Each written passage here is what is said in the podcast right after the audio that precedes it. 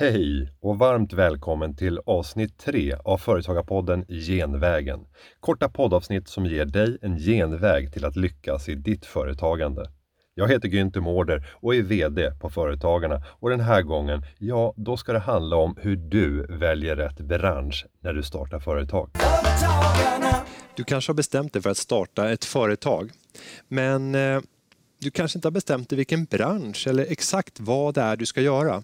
Nu tänkte jag ge lite tips som förhoppningsvis kan hjälpa dig i valet av sektor och sen kanske också valet av vad du ska göra inom den här sektorn. Du kommer inte få det exakta svaret, men jag kommer leverera frågorna som du måste ställa dig. Det första vi måste förstå när vi jobbar med eh, att eh, definiera vad vi ska göra, det är att titta i framtiden. Och det är oerhört svårt, för om framtiden vet vi ingenting. Men vi ser ett antal megatrender som på olika sätt under de senaste åren har format vårt samhälle och förändrat vårt samhälle och sannolikheten är rätt stor att de här kommer fortsätta att förändra och utveckla vårt samhälle framåt. Några av de trenderna som jag ser, det är naturligtvis digitaliseringen. Den är på alla släppar och den har förändrat väldigt mycket av våra beteenden. Vi har globaliseringen. Världen krymper och vi skapar allt kortare avstånd mellan människor runt om på jorden. Vi ser också en urbanisering där människor rör sig utifrån landsbygden och flyttar in till de stora städerna. Och vi ser en strukturomvandling på arbetsmarknaden där eh, människor i allt högre utsträckning börjar försörja sig som eget företagande. Och vi ser en ny befolkningsstruktur. De där klassiska befolkningspyramiderna som man fick lära sig när man gick i skolan, ja, för några årtionden sedan. Ja, de är inte längre pyramider när vi befinner oss i västvärlden. De är mer att likna vid torn. Allt det här skapar möjligheter men också hot mot oss som företagare. Och jag vill att du ska fundera, givet vad som kommer att hända kopplat till digitaliseringen, om vi börjar där. På vilket sätt kan du genom ett företagande vara med och dra fördel av de trenderna och de beteendeförändringar som digitaliseringen medför? Några av de mest framgångsrika företagen som vi läser om i tidningar och ser på webben och i TV, ja, de har just hittat en sån här faktor där digitaliseringen har öppnat upp en ny möjlighet att lösa ett gammalt problem på och så har de snabbt kunnat leverera en lösning på det och plötsligt så har man ett Spotify eller ett Kry eller ett Klarna. Försök hitta på vilket sätt kan du dra fördelen av de förändrade beteenden som följer av digitaliseringen? Sätt dig ner tillsammans med några vänner och fundera utifrån den sektor som du tänker att du ska bedriva en verksamhet inom. Vad kan tänkas förändras? Givet digitaliseringen. Skriv upp allting och sen fortsätter att diskutera de här punkterna som ni har eh, plitat fram tillsammans med andra för att på så sätt utkristallisera en tanke om vad framtiden kan bära oss. Globaliseringen är också spännande eftersom den gör att världen krymper. Vi kommer i högre utsträckning att se redan nystartade företag som vänder sig till världen som spelplan inledningsvis från första dagen när man startar sitt företag. Det är mycket lättare tack vare digitaliseringen att visa upp sitt kunderbjudande och faktiskt kunna nå kunder som man aldrig annars hade kunnat nå.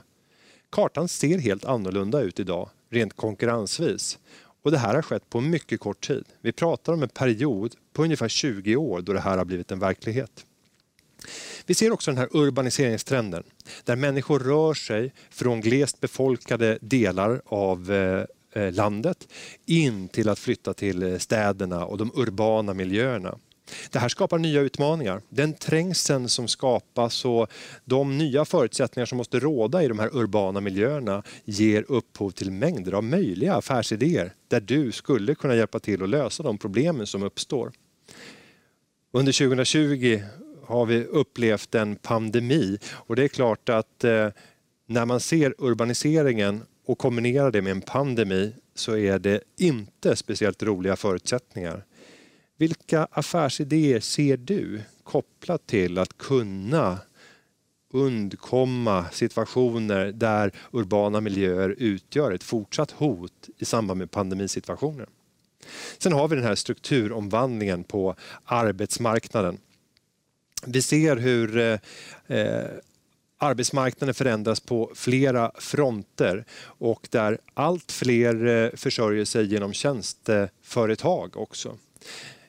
Man brukar säga att eh, det gick en skiljelinje när eh, majoriteten av befolkningen i ett land duschar innan jobbet Ja, istället för efter jobbet, då vet man att landet har genomgått en revolution rent industriellt.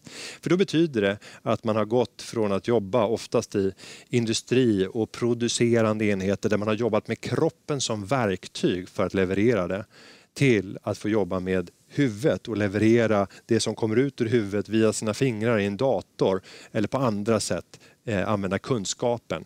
Eh, och kunskapssamhället är då ett faktum. Sverige är där sedan lång tid tillbaka.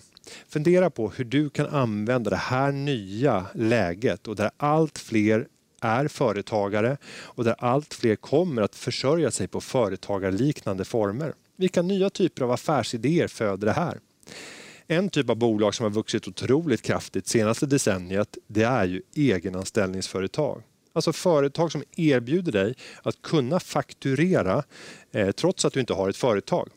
Du blir helt enkelt anställd i ett företag som hjälper dig att fakturera för de uppdragen du gör och du får bara ut lön för det du har fakturerat efter att avgifter och skatter är dragna. Och för den administrationen som du får så brukar man ta ut en avgift på 6-7 procent. En helt ny typ av affärsidé de senaste decennierna som har kommit att bli ganska stor.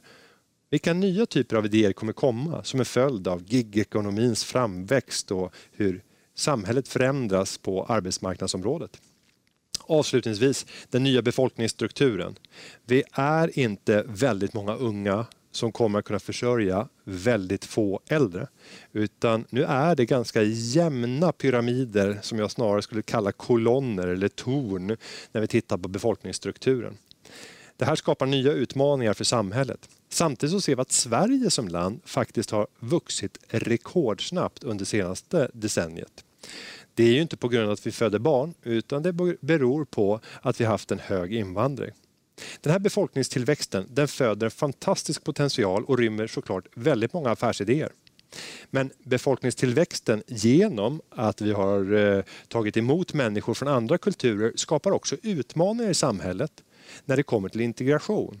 Här kanske det också finns mängder av affärsidéer för att lösa många av de problemen som vi ser till följd av det nya samhälle och den nya befolkningsstruktur vi har i landet. Ja, som ni hör så finns det mängder att göra och det bästa av allt det är att nästan allt är ogjort på den här jorden.